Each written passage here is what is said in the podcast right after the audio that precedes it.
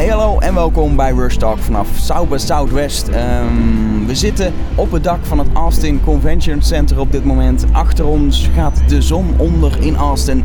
Oftewel, de tweede dag van Sauber Southwest eh, zit erop. En ik ben niet alleen, ik ben trouwens ook hallo, maar tegenover mij ook eh, Johan Voets Hallo! en Marjolein Kamphuis. Hallo.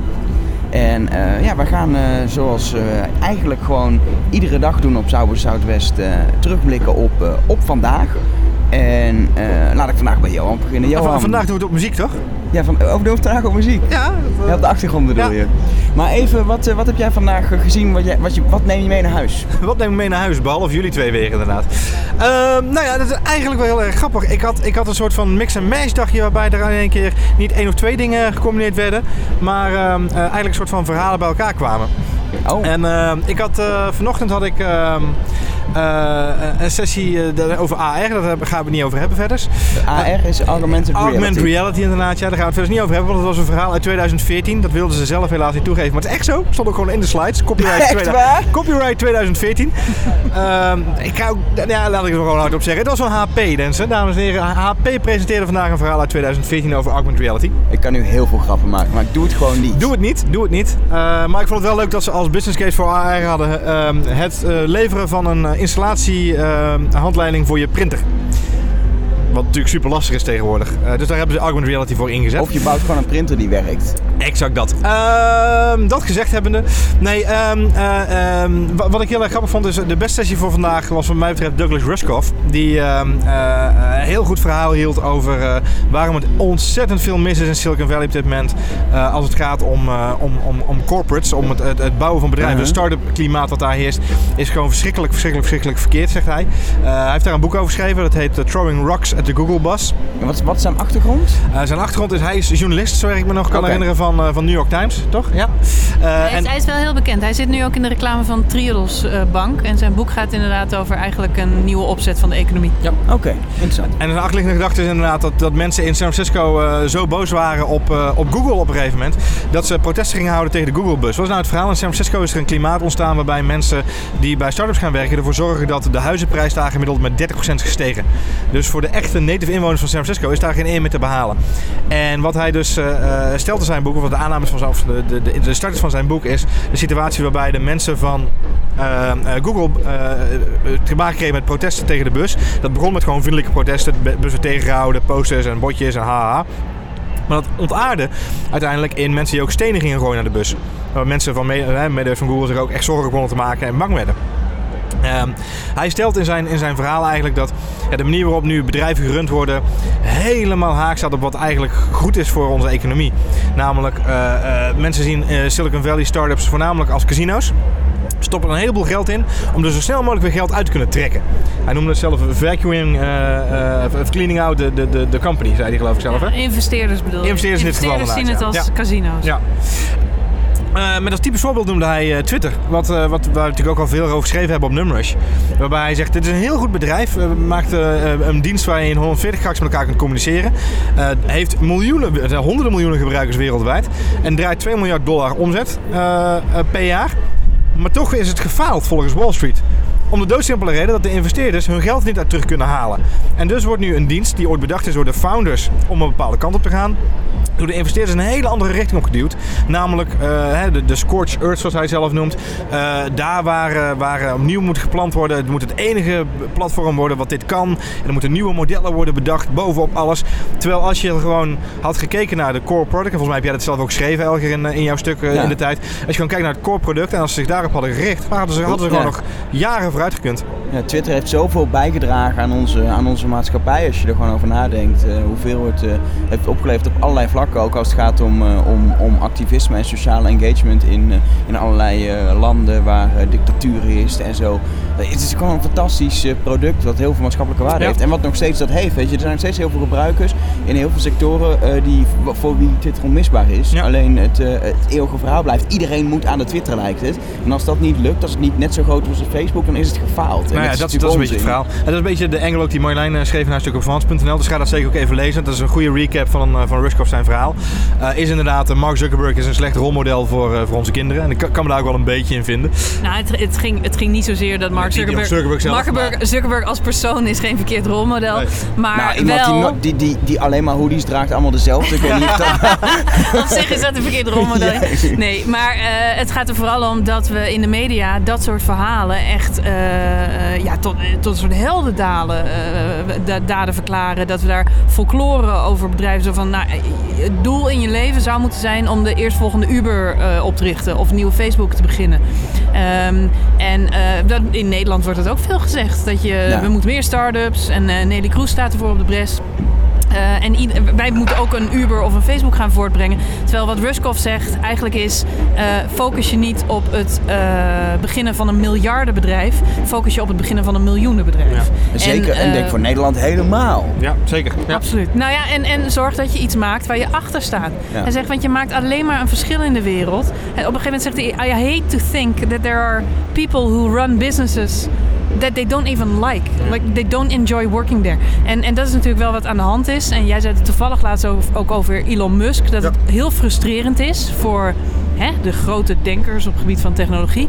Dat er technologisch zoveel mogelijk is op dit moment. Maar dat de meeste mensen zich alleen maar druk maken om het oplossen van hele triviale problemen. Weet je, fotofiltertjes. En eh, de, de- de grappige chat-emojis en dingetjes. Swap, face swapping is heel belangrijk. Ja. moment heel belangrijk moment inderdaad. De ja. laatste is- overname van is- Facebook is face swapping, weet je. Dan weet je Het hoe het, hoe prima, het gaat. het is prima dat, dat, dat die bedrijven er zijn. En hè, marketing en media bieden ze Ja. allemaal kansen. Daar zien we hier ook heel veel sessies over. Maar je kunt je wel afvragen, zou het niet goed zijn als meer mensen zich druk gaan maken over hoe maak ik echt een verschil in, in de wereld? Eh, en enerzijds kan het zijn wat, wat Elon Musk natuurlijk najaagt, is echt eh, hele grote technologische innovatie, ruimtereizen, eh, de Hyperloop, dat soort ontwikkelingen. Ehm, anderzijds, zegt Rushkoff, zie je gewoon ook de, door de opkomst van een makercultuur, al die mensen die nu zelf bier gaan brouwen, al die mensen die zelf kleding gaan ontwerpen of een webwinkel beginnen of zelf met robots in elkaar zetten, mensen die zelf dingen met hun handen gaan maken. Hij zegt, weet je wat de ironie is? Wat denk je dat al die miljardairs doen? Wat denk je dat al die, die Mark Zuckerbergs van deze wereld doen op het moment dat ze miljardair zijn? Dan nemen ze de vrije tijd op en dan gaan ze zelf bier lopen brouwen. Omdat ze dat zo nee. leuk vinden om te doen. Mark, Dus- Mark Zuckerberg zei begin dit jaar, dit jaar ga ik mijn eigen huis helemaal tot een smart home bouwen. En dan echt zelf het coden Ja, en zelf ontwikkelen. Nou, ja. precies. Die mensen willen allemaal weer doen wat ze het liefste doen. Wat ze Ja. leuk vinden om te doen. Hij zegt, waarom zou dat niet je begin... Je, waarom zou dat niet je vertrekpunt zijn? Maar, maar dat je mij, vanuit die gedachte een bedrijf dat, begint. dat herken jij zelf ook wel eens Marjolein. Want jij zegt wel eens tegen mij, het liefst zou ik de hele dag mooie stukken schrijven. En vervolgens ben je gewoon, ja, ik ken het zelf ook. eh, eh, eh, de, de, de boel moet doorlopen. Dus een heel Ja. groot deel van je tijd ben je kwijt aan, eh, aan manager, aan, aan Dat is allerlei waar, dat is waar. Maar ik ben wel blij dat ik een bedrijf heb wat dingen maakt waar ik blij van word. Ja. Nee, ja, nee, zeker. Die ik mooi vind. Ja, wat, wat, wat wel en mooi, dat was een beetje zijn, eh, zijn missie. Wat wel een mooi bruggetje was van jou, nou, is dat jij, wat je, wat ik, en waar we het daar laatst al over hadden, nou, is dat we nu heel erg, we hebben een, een app store vol met eh, duizenden, misschien wel miljoenen kleine appjes die allemaal kleine probleempjes oplossen. Of inderdaad eh, gezichten verwisselen op een foto. Dat is ook een probleem. Ehm, en dat sloot heel mooi aan bij de, de laatste talk die ik, of niet, eh, de, eigenlijk de ene laatste talk moet ik zeggen, maar de laatste talk waar ik actief eh, eh, op nog eh, heb opletten en heb, heb meegeschreven. Dat was eh, eh, eh, Mac, Mac- Max Levchin, eh, eh, de oprichter voorheen eh, samen met Elon Musk overigens van, eh, van PayPal. hij stelt eh, in zijn verhaal eigenlijk een beetje hetzelfde verhaal, waarbij hij zegt... eh, er zijn eigenlijk nog maar heel weinig bedrijven die zich echt durven te richten op het oplossen van grote problemen. Er zijn heel weinig ondernemers die zeggen: Ik ga me nu op iets richten waar ik bang van word. Het is voor iedereen makkelijker om eh, inderdaad een klein probleem beter te pakken en daarmee aan de haal te gaan. Dat mensen zich durven te zetten in, wat ik een heel belangrijk vind, de financiële industrie, de bankenweersector of dat soort dingetjes. Ehm, Heel erg grappig om dat te zien. Eh, wat wel heel erg grappig was, is hij sloot een beetje aan bij Rushkoff. En vervolgens ging hij de knetteruit weer tegenin aan het einde van zijn verhaal. Door gewoon te zeggen, ja weet je, het is gewoon heel belangrijk dat je het goed gaat doen. Dat je inderdaad mooie, duurzame producten gaat maken. En dat je mensen een goed gevoel geeft, dat je bijdraagt aan een mooiere wereld. Zodat de investeerders sneller in je gaan investeren. En dus ja. Het was een soort van ja. 1 2 Ik dacht, nou, hier komt een prachtig 1 2 aan. Hier ga ik de podcast vanavond helemaal over vollullen. Nu doe ik het alsnog. Alleen doe ik het dan met het feit dat ze aan het einde toch nog compleet uit elkaar gingen. Het was een soort Agda de Munnik, CD van jou, CD van mij. Ze kwamen samen en ze gingen weer gelijk uit elkaar. Maar dat is wel veel hier. Hè? Dat je heel veel, dat je in de ene sessie zit en Ja. iets hoort. En dan zit je ergens anders en dus, dan wordt er een statement gemaakt wat echt totale tegenovergestelde Ja, is. ik, ik, ik zat gisteren, gisteren nog bij een sessie eh, waarin het juist ging over hoe op dit moment in start-ups juist hele grote dingen nu worden aangepakt, zoals space. Jawel, tuurlijk. Weet je, space, ruimtevaart is het allermoeilijkste wat er is. maar elke, wij weten alle twee wat dat er is, dat is één persoon in dit moment Twee. in Hollywood. Nou, misschien twee inderdaad. Laten we er twee noemen. Maar er zijn nu twee mensen heel erg hard bezig met grote Ja, problemen ja. beter pakken. En, eh, en dat is natuurlijk wel heel erg fascinerend dat het er maar twee zijn. Eh tuurlijk Ja, zijn, nee, het, zijn geen halve problemen waar we over praten. Maar het is wel heel beperkt. Dus ik kan me daar wel in vinden. En dat is voor mij, eh, zoals ik het eh, voor mezelf heb omschreven, is het was ook het, het, het visuele. Dit, was, dit, dit, dit definieert ook Cyber Zuidwest. Dus in ehm, eh, de, de, de, de hippie, bijna de hippie-cultuur die ook Riskoff in zijn talk waar hij mee startte. Hij zegt, toen Cyber Zuidwest in de jaren 94, eh, in nee, nee, 94, 95 begon Interactive hier. Hij zegt, toen was het hier een hippie-cultuur. Keep Austin weird en we gingen mooie dingen maken. En hey, peace man, is. gaven We, we de boel wel bij elkaar. Ja, precies. Vette, vette internetdingen bouwen, weet je wel. Hij zegt, en nu is het de cultuur geworden waarin er in Austin ook gewoon een heleboel eh, eh, VC's zitten. eh, investeerders die hier hun, hun kantoren oprichten. Er worden steeds meer start-ups hier gevestigd. Ehm, het is een hele harde internetcultuur geworden ineens. Het is, we hadden zo'n heel mooi beeld van de wereld hoe het zou gaan worden. Wat hebben we gedaan? We hebben dat gepakt dat hebben we bovenop onze bestaande corporate cultuur geplakt. Dus het is... Wat we nu zien is corporate culture on digital steroids, zoals hij het zo mooi omschreef. Ja, nee, Ja, dat is wel waar. En, en, en, en dan heb je dus inderdaad die, die, die, die Max Levchin, die de- hij is 40. Ik bedoel, hij is, hij is ook nog relatief jong. Hij was, hij was 24 toen hij in, in 98 begon met, met PayPal. En hij is zeg maar aan die kant van de lijn komen staan. En dat is ook wel een beetje de twee werelden die je hier ziet samenkomen op Zuid Zuidwest. Namelijk de makers, de hackers, de, de, de, de, mensen die het fantastisch mooi vinden om mooie dingen te maken. Gecombineerd met de marketeers en de brand advertisers en de, de, de evangelisten die hier dan weer het commerciële stuk komen vertegenwoordigen. Ja, nee, ik, ja, ik denk dat je het heel goed voort. Dit was het voor deze keer. Tot zover Zuid Zuidwest 2016. We zijn klaar. We pakken Nederland in. We kunnen nog drie dagen van Austin genieten van de zon in plaats Ja. van in sessies zitten. Dit was het. Nee, dat is, dat is flauw. ook, Ehm, en- en- en- en- wat wel heel erg leuk is, hij is nog van gisteren, dus ik mag hem eigenlijk niet nog toevoegen, want hè, het is een beetje Nou, terug. maar We hadden gisteren, en hij sluit heel mooi aan bij deze eh, observatie. Iemand zei, eh, ik weet niet meer welk panel het was, maar die zei, de term Silicon Valley is passé. Want als je nu gaat kijken in Silicon Valley, wat er moet gebeuren, wat, welke bedrijven er langzaam zeker gaan ontstaan, hebben die helemaal niks meer te maken met siliconen. De naam Silicon Valley komt natuurlijk van siliconen, de Ja, chipmakers, de de, chips, de, ja. Intels, de ASML's en de, en de IBM's van deze wereld die daar ooit zijn begonnen. maar het is allemaal services wat er nu Het gebeurt. is niet alleen services, maar het is ook biohacking, Ja. brain hacking, neurosciences. Er komen zoveel startups bij die helemaal niks meer te maken hebben met siliconen. Dat ze echt zoiets hebben van, die naam moet gewoon allemaal, over, de over de boeg. Nou, eh, vind ik wel weer grappig om dat ook weer mee te krijgen aan deze kant. Ik denk wat dat betreft dat er in Hollywood meer siliconen zijn dan in eh, Silicon Valley. zeker, zeker. Oh, om, om even af te wisselen wil ik er wel eentje aandragen. Ehm, ik was mee bij een sessie van eh, een, een ontwikkelaar van Pinterest. Ik ben even de naam vergeten. Ja, Ben je een ook. Pinterest-sectie geweest? Nee, zij was developer bij Pinterest. Een meisje developer bij Pinterest. Oh, zij. En zij heeft... ehm, Amy, ja. Ja, ja. eh, bijna... Ze is eigenlijk onbewust ontwikkelaar geworden. Dat wilde ze nooit. ehm, als vrouw. Want ze kwam... eh, ze studeerde op Stanford. Ging ze wel programmeervakken volgen. Maar het was de hel. Want al die mannen die waren beter en hadden veel meer ervaring. En zat er een beetje, ja, een beetje verloren tussen. Ehm, en, en vervolgens is ze toch die vakken gaan volgen. Heeft ze op een gegeven moment een cv aan Facebook gegeven. In de hoop dat er niet programmeerstages waren. Vervolgens werd ze gebeld voor een programmeerstage. Heeft ze toch gedaan. Toen dacht ze, ja, is dit het nou? Maar uiteindelijk, tegen beter weten in, is ze programmeur geworden. Ehm, en toen werkte ze bij Cora. En bij Cora, dat is die site waar je vragen moet beantwoorden, daar, daar was een beetje het, het, het ding dat iedereen die daar werkte in het begin, die moest ook even expert zijn op een gebied om vragen te beantwoorden. Oh, waar? En, en waar wist zij nou iets van? Zij wist wel iets van hoe het is om als vrouw programmeur te zijn in die wereld. Dus zij ging daar vragen over beantwoorden en werd een expert op het gebied van women in tech, die natuurlijk zwaar ondervertegenwoordigd zijn. En ehm, eh, ze had nooit, weet je, ze was helemaal niet feministisch of zo van vroeger uit, maar dat is gewoon ontstaan. Net zoals dat ze programmeur is geworden en het ontstaan is. Uiteindelijk eh, is er een punt gekomen waarin ze ja, toch wel een beetje de voice werd van eh, vrouwen in tech. En toen heeft ze een medium post geschreven, twee jaar, tweeënhalf jaar geleden. naar aanleiding van een discussie die er eigenlijk al was over vrouwen in tech. Van waar zijn de cijfers? Waarom hebben we nergens gewoon de cijfers? Hoeveel procent is vrouw, maar ook andere minderheden? Hoeveel procent is zwart? Hoeveel procent is Hispanic, et cetera, et cetera. Ehm, en ze heeft niet losgemaakt daarmee, want Google heeft een paar maanden later een diversity report uh, gepubliceerd naar eigenlijk alle grote techbedrijven daarna.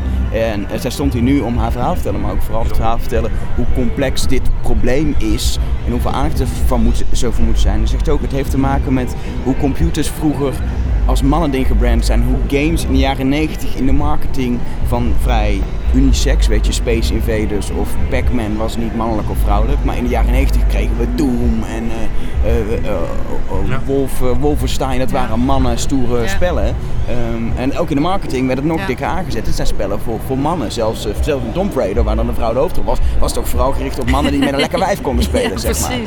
Um, en, en daar is het dan misgegaan, waardoor, um, waardoor je op een gegeven moment ook situatie kreeg dat, dat, dat uh, uh, internet en computers werden populairder begin deze eeuw. Uh, zag je een grote stijging in aanmeldingen voor computeropleidingen, computer science, informatica. En wat gingen ze doen? Die universiteiten konden dat niet aan, dus kwamen er allemaal extra, extra toelatingsexamens en, en dingen. Maar die zaten allemaal weer op, op, op punten waarbij bijvoorbeeld heel handig is als je al heel veel ervaring hebt opgedaan als programmeur als jong bent. Maar bij veel vrouwen zie je dat ze het gaan studeren en dat ze heel goed worden. Ze pikken het super snel op.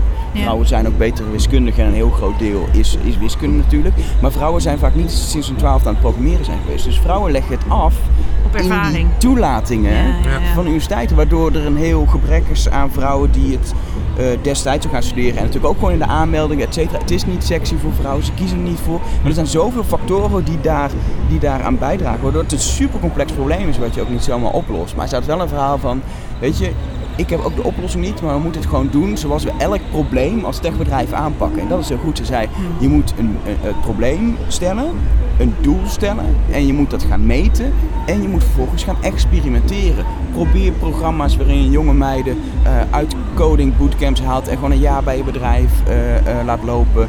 ga kijken hoe je kan zorgen dat vrouwen door kunnen groeien, want het is heel belangrijk, vrouwen kunnen veel minder doorgroeien in technologie is het zo, en een van de weinige sectoren waar het echt zo is, dat, dat doorgroei is overal een probleem in andere sectoren voor vrouwen. Maar in technologie stoppen vrouwen ook veel meer dan mannen binnen de eerste tien jaar met mm. het werken in technologie als programmeur. Omdat ze in de minderheid zijn, omdat het zo zwaar is. Ook omdat er geen kansen zijn, ze niet door kunnen groeien, et cetera. Dat zijn allemaal dingen waar je wel aan kan werken. Waardoor je stap voor stap die cultuur kan veranderen. En uh, daar hield ze echt een, een mooi betoog over. Ze las het voor van het blaadje. Dan mis je wel een beetje enthousiasme. Weet je, denk ik, ik had het ook op een blog kunnen lezen. Maar het was wel een vrouw denk van wow, ja, weet je, ik, je hoort hier zoveel over, maar het is goed om een keer van zo iemand die, er, die, die een beetje de aanstichtster mede is geweest, natuurlijk meer geweest, maar zij is een van die mensen, eh, om dat verhaal een keer te horen. En ook om niet een keer, weet je, je krijgt altijd, uh, uh, hoe heet ze van Facebook, de COO. Uh, Sheryl Sandberg.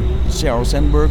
Ja, daar verwees ze wel naar, hè? Ja, ja, naar, naar dat, eeuwige, maar dat is het eeuwige voorbeeld wat fantastisch is, weet je, dat is goed, dat is helemaal een rolmodel, zij, zij staat er gewoon Ja, maar tweede, hier, in Amerika staan er wel steeds meer van dat soort vrouwen op. Nee, Melissa Mayer natuurlijk bij ja. Maar gewoon iemand die op dat ontwikkelaarsniveau zit. Uh, en tegen wil en dank trouwens. Hè? Want ze zeggen allemaal eh, als eerste van... ik was helemaal geen feminist. En ik, ik nee. vond het een heel naar woord. En ik wilde er eigenlijk niks mee, niks mee te maken hebben. Maar nee, toch... Maar je ziet, je, je leeft in die onvrede. En je nou, maakt wat, wat het zij, iedere wat, dag mee. Ja, maar wat zij eigenlijk zegt is... we hebben ook gewoon echt een probleem. Want ja. uh, als je nu uh, marktonderzoek wijst uit dat we binnen nu en drie jaar hebben we uh, 1 miljoen te weinig developers in Amerika om alle technische problemen te tackelen die er dan getackeld moeten worden. Ja. Dus het is niet alleen, weet je wel, het is niet alleen een, een vrouwengelijkheid issue, het is gewoon ook echt een praktische issue voor, voor deze bedrijven waarin nou, ze een rol moeten vervullen om het op te lossen. Ze gaf ook voorbeeld dat er gewoon in, in producten en diensten worden bepaalde onderdelen vergeten. Omdat niet iedereen, niet de hele breedte van ja. consumenten, uh, en dan gaat het ook om vrouwen, maar ook om homoseksuelen of om uh, mensen van daar, etnische uh, minderheid. Het, het, verhaal sloot heel mooi aan op een stuk wat eerder deze week op Vans.nl is verschenen over Janneke Niesen. Zij is van zij is Project Prep gestart en dat is een project in Nederland om meer jonge meisjes al geïnteresseerd te krijgen in programmeren en technologie. Um, en uh, een van de dingen die zij inderdaad noemde in dat interview is dat er een bedrijf in Nederland was wat uh, heel veel tijd, heel veel geld, heel veel technologie heeft gespendeerd aan een virtuele paskamer. Hartstikke mooi, er is heel veel ontwikkeltijd in gaan zitten. Fantastisch project, heel innovatief, heel bijzonder. En maar ze lanceren dat ding, wat ze lanceren dat ding en de allereerste vrouw die het pashokje binnenstapt, die zegt deze spiegel maakt mij dik. oh mijn god. En ze zegt, ja, daar ga je dan met je Ja, maar prototype. het zijn dat soort dingen, echt, die doordat het gebrek is aan, aan, aan vrouwen, maar eh, wat ik zeg aan alle minderheden, er worden gewoon dingen vergeten. En eh, het levert bedrijf echt iets op om een multidisciplinair team, eh en multidisciplinair niet alleen in eh, verschillende disciplines, maar ook multi-achtergronden. Een van de, een van de dingen die Janneke Nies trouwens gedaan heeft om, om jonge meisjes meer geïnteresseerd te krijgen in, eh, in, in technologie. Er was trouwens ook iemand die hier daar een vraag over stelde. Van zou het kunnen helpen als we bijvoorbeeld literatuur gaan maken? Dat, dat is dus wat Janneke gedaan heeft. Die heeft een kinderboek laten schrijven door gewoon een kinderboekschrijfster. eh, over een meisje wat haar eigen fashion start-up lanceert. En in dat boek, ik, ik heb het eh vandaag gekregen. Het is heel leuk. Er staan ook gewoon code en programmeertaal in. Er staat dat ze een businessplan gaat schrijven. eh, hoe ze, weet ik, het is echt hoe zij zelf is een jo- programmeren. voor, voor jongeren Het is voor jonge meisjes, gewoon ja, ja. meisjes van wat is het, 10 tot 13 of zo. Ja, die inderdaad affiniteit hebben met onderwerpen zoals mode en, en beauty en fashion. Ehm, maar wel om ze geïnteresseerd te krijgen in dat onderwerp al op jonge leeftijd. Precies wat jij zegt, wat in deze sessie ook naar voren kwam. Jongens krijgen al van heel jongs af aan allerlei computergames en, en dingen die met techniek te maken hebben. Waardoor ze geïnteresseerd in raken met monsters en auto's en dingen die jongens van Ja. zichzelf interesseren. Die cultuur is er voor meisjes niet. Er zijn geen boeken, films, series, games Nee. die, die dat, en dat is heel mooi, dat dat steeds meer in opkomst raakt. En daarnaast, ehm, wat trouwens wel, eh, wel, wel schokkend was, wat zij, eh, wat zij in het interview ook zei, is eh, dat er in Nederland bijvoorbeeld ook nog steeds niet echt gestimuleerd wordt dat meisjes een technische kant eh op Nee, gingen. En helemaal een, niet. een van de anekdotes die zij had, is dat eh, een eh, dochter van een kennis van haar eh, op de middelbare school eh, graag deel wilde nemen aan een open dag van de TU in Delft. Waarop haar docenten tegen haar zei van... eh, oh ja, eigenlijk is eh, die reis alleen voor jongens. Maar als je het leuk vindt, dan mag je wel mee hoor. Het kan echt niet, het kan echt dat is- niet. Anno, anno moet toch ook 2000. gevangenisstraf op 15, worden 2016 gezet. inderdaad. Wat ik, wat, ik, wat ik moeilijk vind, en dat is, eh, dat is misschien nog wel een aparte podcast voor zichzelf waard, ooit nog een keer, ehm, is wanneer slaat het door? En ehm, eh, twee dingen die me vandaag daarin. Zodat als er tuinbroeken bij komen kijken, toch? Ah, dat- eh, wacht, ik doe even de open deur dicht. Ehm, nee, ehm, w- wat, ik, wat me opvalt, namelijk één dingetje was vanochtend toen we deze kant op liepen vanuit, eh, vanuit de taxi. Eh, een hele grote girls lounge. ja. roze aangekleed, felle lampen erop. Ik denk het is of een sarcasme, eh, het is een sarcastisch statement, of het is daadwerkelijk echt iets om het aan te stippen. Je- En, en, en sorry da- daarop aansluitend, is net in de laatste sessie met Vox Media, Ja. eh, CNBC en Vox Media, dat er dan de obligate vraag gesteld wordt. Wat eh, kunnen jullie vertellen over jullie aannamebeleid rondom de, diversi- eh, de, diver- diversification? Dus hoe, hoe divers is jullie aannamebeleid? Dat ik denk, ik, snap het. Ik snap, weet je, je, je ken, j- jullie kennen me, dus het, het, gaat me echt wel aan het hart. Maar in hoeverre is het belangrijk dat we de vraag stellen op zo'n conferentie? Eh, ik denk dat de, de oplossing die zij bood, wat Elga net omschreef, dus het benaderen als een, als een technologie en gewoon een praktisch economisch probleem, Ja. ik denk dat dat de beste oplossing is. En de- de- ik vind haar voorstel heel goed. Weet je, we gaan maar gewoon doelstellingen uitzetten. Ja. We moeten onze workforce van 10 naar 20 naar 30 procent. In Nederland zijn die doelstellingen er ook, maar dat gaat geloof ik nog niet zo goed. om ik, eh, meer vrouwen in de top te krijgen. De, de, de, de grondjet. En ik, ik, denk- ik, denk, ik denk wel, weet maar je, die plannen moeten dus gemaakt worden. En ga maar trial and error. Ga maar als een programmeur lopen uitproberen wat er werkt. Dat kan een kinderboek zijn wat jonge meiden van 13 enthousiast maakt om zelf hun eigen fashion start-up te...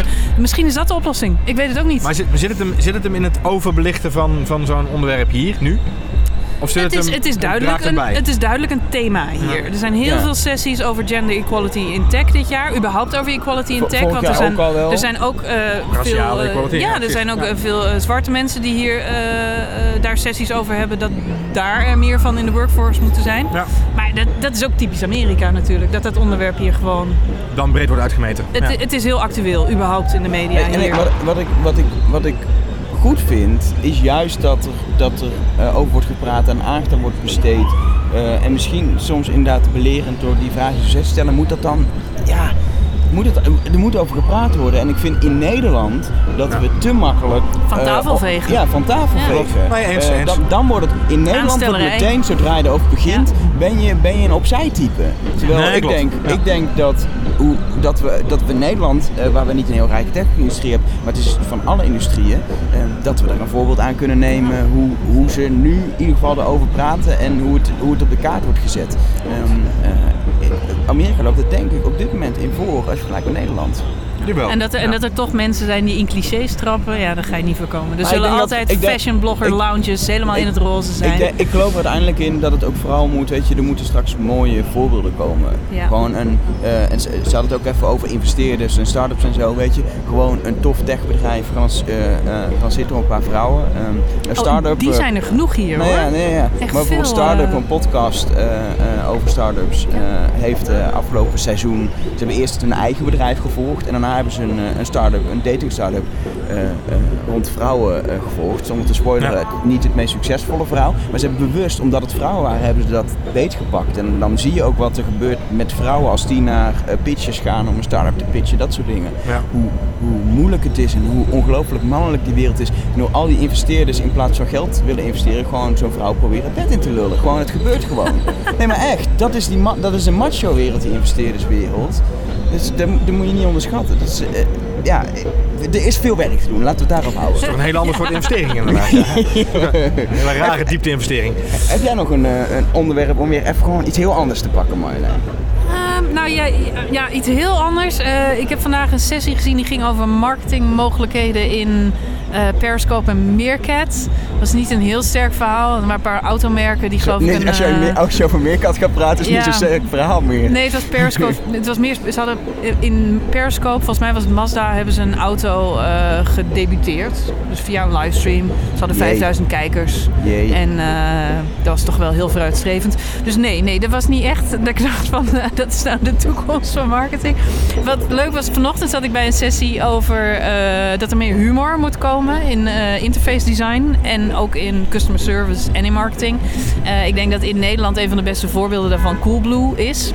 Je Klopt. moet, eh, je moet even kijken op Vans.nl, want ik heb er een klein artikeltje over geschreven. Ehm, maar deze man, hij had allemaal voorbeelden. Eh, denk aan de interface van Mailchimp. Op het moment Ja. dat je een nieuwsbrief verstuurt met Mailchimp, dan krijg je een hele grote knop met zo'n zweterig handje erboven. Zo van, weet je het zeker? Weet je het heel zeker? Je gaat Dat dit is- nu naar heel veel mensen sturen. dat is, ja, je gaat het naar duizenden Maar mensen zo sturen. voelt het ook als je Zo voelt nieuwsbrieven het ook echt als je een stuurt. nieuwsbrief moet versturen. Als verzender van nieuwsbrieven naar heel veel mensen is het wel eens een keer misgegaan. Ben ik dol bij een mailtje. En die humor kan ik waarderen inderdaad. Nou ja, en dat, en dat is eigenlijk wat, wat hij zei van dit hebben we meer nodig. Want elke keer dat een gebruiker lacht op het moment dat hij je dienst gebruikt, wordt de dopamine aangemaakt in de hersenen. Ja. En dat zorgt voor een blijvende herinnering. En dat zorgt ervoor dat de kans tien keer groter is dat die persoon nog een keer bij je komt webwinkelen, nog een keer je dienst Nou ja, komt gebruiken, ik- nog een keer ik- je app gebruikt. Ik denk dat ook eh, bijvoorbeeld een Blendel dat in Nederland best wel goed heeft gedaan met hun super sympathiek en dat soort dingen, Ja. weet je. De, de hele tone of voice, terwijl, weet je, zij werken met kranten wat best wel statige eh, mediabedrijven nog steeds zijn. En zij kiezen voor een aanpak die heel erg past bij, bij ik noem eh, even BuzzFeed als voorbeeld, maar bij online media. Ja. En hoe ze, hoe ze dat helemaal met humor en leuke dingen in, eh, in hebben gekleed. Ik Ja, wat, ik, echt, wat ik gewoon een eh, fantastisch, wat ik een heel nou, goed verschil vind, wat, wat, eh, wat deze persoon ook maakt. Ik heb je stuk even nagelezen en nog even alle reacties ge- gecheckt. Wat ik heel grappig vind is dat er is een heel nadrukkelijk verschil tussen meer humor in marketing op deze manier, namelijk je product voorzien van de juiste lading, en gebbetjes op social media. Daar irriteer ik mezelf helemaal kapot aan de laatste maanden. ja, ja. Ehm, weet je, dat is, dat is niet Hij meer had, humor. het, is, hij, hij had het eh, niet per se over newsjacking en, al, en inhakers Nee, en zo. want nee. nee, dat was helemaal niet inderdaad waar hij op zat. Hij, maar hij vertelde wel dat eh, hij maar zegt het hier... ging over die glimlach creëren in, in, in gewoon Ja, het, gewoon het in het dagelijks in- in gebruik. ervaring inderdaad. En, ja. eh, en, en hij, hij, hij gaf ook trouwens allemaal eh, waarschuwingen hoor. Van wees niet dit, wees niet annoying, wees niet te grappig, wees niet overdreven. Maar, maar eh, hij had ook een voorbeeld van Slack. Gewoon heel simpel. In Slack heb je de Slack-bot. En die, die, die praat tegen je. Ja. En eh, sinds kort krijg je een melding van de Slack-bot die zegt... ik heb je notificaties uitgezet. Want eh, je kreeg al eh, via mobiel notificaties. Dus die via e-mail die zullen wel overbodig zijn geweest. Dus die heb ik vast voor je uitgezet. Ja, klopt. Klopt Hij zegt, ja. nou ja, weet je, dat is, dat, dat is de zorgen bij mensen wegnemen. Dat is mensen een glimlach bezorgen. En dat ze denken van, oh, dit product denkt echt met me mee. Ja, nee, dat, is- dat, is, dat is zeker. Heb, heb jij nog een afsluitend dingetje, Johan? eh, Nee, ik had volgens mij dat ik... eh, mijn, mijn airtime is op, toch? Ja? Na mijn, be- na Ja, betoog waar. over Rushkoff en... eh, en ik heb nog gewoon iets heel anders om af te sluiten dan, vind ik wel leuk. Ja, Ehm, eh, Johan en ik waren vanmiddag nog bij een sessie over, ehm, over data en eh, Risico, hoe, hoe, ja, hoe wij risico's ervaren. Ik vond het heel leuk, het heeft heel weinig te maken met technologie, maar wel eh, hoe we juist in een wereld waar steeds meer media is, steeds meer horen wat er gebeurt en hoe, eh, ja, wat we natuurlijk al weten, hoe wij risico's inschatten is totaal irrationeel. Ja, Ehm, absoluut. ehm, en dat heeft, dat heeft met allerlei factoren te maken. Eh, maar media kunnen daar wel een rol in spelen om, om dat beter te doen. Weet je? Eh, als, je, als je kijkt in Amerika naar het aantal mensen wat, wat doodgaat eh, eh, do- door, door vuurwapens. Anderhalf procent daarvan is, is terrorisme en de andere, andere ne- 98,5 procent is geen terrorisme. Terwijl terrorisme is onze, grootste, ja. is, onze grootste, is onze grootste angst.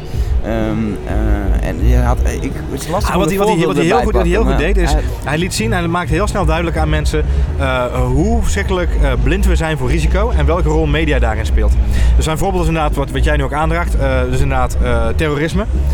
Dus hij stelde aan, aan de zaal de vraag, zijn jullie bang om geraakt te worden door een vallend meubel wat van de muur afkomt? Dus je ligt in bed en er komt een schilderij naar beneden en daardoor word je gedood.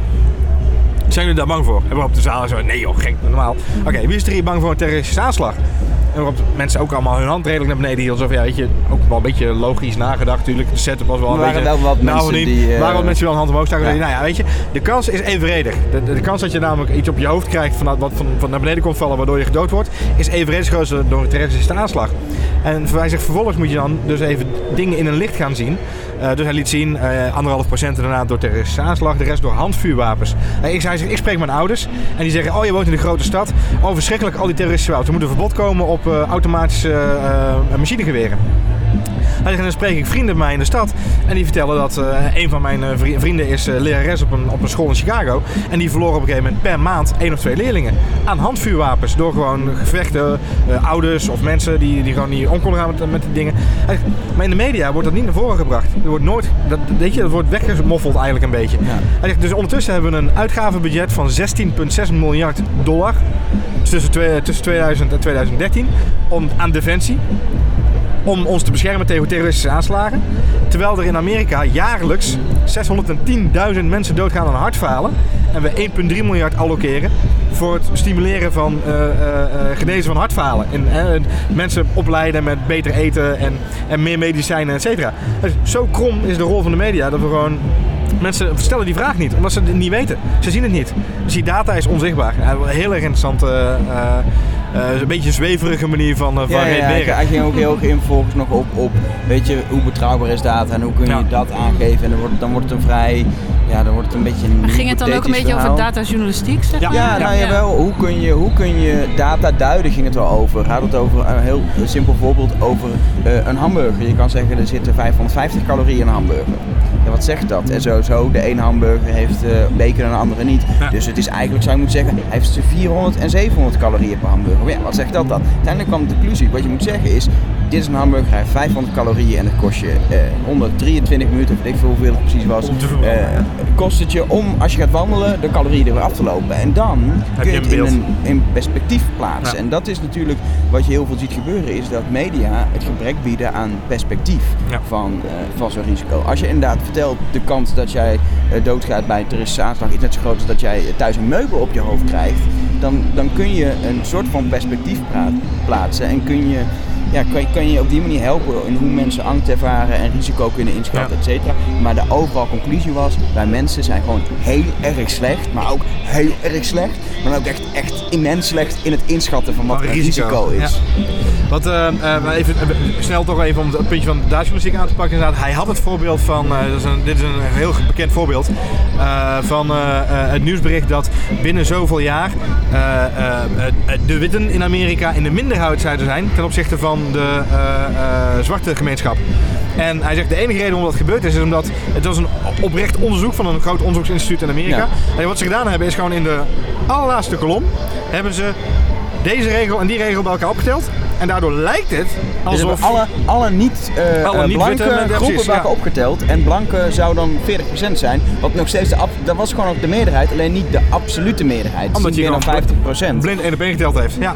Dus, eh, dus eh, je telt gewoon lekker op en dan zijn de blanken opeens in de minderheid. Wat bullshit is, tenzij je blanken af zou zetten tegen alle anderen. Ja. Maar dat is niet de vergelijking, Dat is niet de vergelijking die je mag maakt. maken. Wat in het verhaal was, is dat hij zei van ja, er was maar één media outlet, volgens mij was het de Washington Post, die daadwerkelijk de cijfers genomen heeft. Die heeft gezegd, die percentages slaan nergens op. We moeten de absolute aantallen nemen en dat op een grafiekplot. Dat hebben ze gedaan. Die grafiek gaf een heel ander beeld. Maar dat is gewoon puur inderdaad door de juiste context te bieden, die risico's duidelijk te maken van bepaalde eh, eh, eh, feiten of bepaalde feitjes net anders te belichten. Ja, heeft de media een hele belangrijke rol in wat we percipiëren van sommige dingen. Dus trouwens ook, er wordt hier heel veel ook gezegd over de Amerikaanse verkiezingen, die natuurlijk aanstaande zijn. er was deze week... zijn de Amerikaanse verkiezingen aanstaande? Ja, er zijn, er, zijn, er, zijn, er zijn heel veel sessies over. Misschien is het wel leuk om daar morgen of overmorgen in de podcast nog even iets over te zeggen. Want het is ook wel echt heel erg een onderwerp hier. En ook de rol van datajournalistiek en media in die verkiezingen. En in hoeverre zijn de verkiezingen bijvoorbeeld al te voorspellen op voorhand? En je merkt in ieder geval aan de onderwerpen die wij vandaag hebben gezien en eh, nu ook besproken hebben het afgelopen half uur, hoe divers South Zuidwest is. En hoe, hoe, hoe, technologie en vooral, het gaat natuurlijk veel meer, het gaat hier over innovatie en het gaat, het gaat over de maatschappij en hoe dat allemaal samenhangt in een veel, uh, in een veel groter plaatje dan, uh, dan sexy nieuwe start-ups, waar je misschien in eerste instantie aan denkt. veel mensen die ik ook spreek, die zeggen Zuidwest, heb je nog een vet, is er een vette nieuwe app, weet je? Ik zag vandaag ook al ergens weer een artikel langskomen, dit zijn de drie apps waar het over gaat op South Zuidwest. Dat, dat, is dat, niet Sauber Zuidwest. Nee, nee. Wat we het afgelopen half uur hebben besproken is veel meer Sauber Zuidwest. Ja. Um, en dat proberen we iedere dag een beetje bij je thuis te brengen uh, met deze podcast. En ook met de artikelen op de site nummers.nl en zeker ook uh, vans.nl checken. Um, ja. uh, waar we ook druk aan het schrijven zijn. Um, met meer, net weer iets, met die, iets meer maatschappelijke onderwerpen. En, en, en, iets minder de kadertechnologie. Uh, de zon is onder. Ik denk, ja, het is dat, donker inmiddels. ik denk dat het een goed idee is om, uh, om even een biertje erbij te feestje. pakken. En even na te ik hoor hier beneden een feestje, dus we gaan afronden. Ja. We gaan afronden. En het, Leuk. en het convention center is uitgestorven, jongens. Dat, ja, dat kunnen de mensen de laatste podcastluisteraars niet zien. Maar de, we zijn de laatste op het dakterras. We zitten ook helemaal in het donker op het dakterras. Ja. Dus we gaan snel uh, een verfrissing opzoeken. Lijkt me een goed idee. Mooi. Uh, reageren kan facebook.com slash nummers. Uh, Twitter is nummers. En je kan abonneren en alle informatie vinden op nummers.nl slash En dan ga ik een keer doen. Vind je ons nou leuk? Dan mag je best een keer in de iTunes Store, waar ze heel mooi een ratingsmogelijkheid hebben voor podcasts, gewoon een reactie achterlaten. Oprecht dat je van vindt. Gewoon je feedback achterlaten, daar hebben we graag.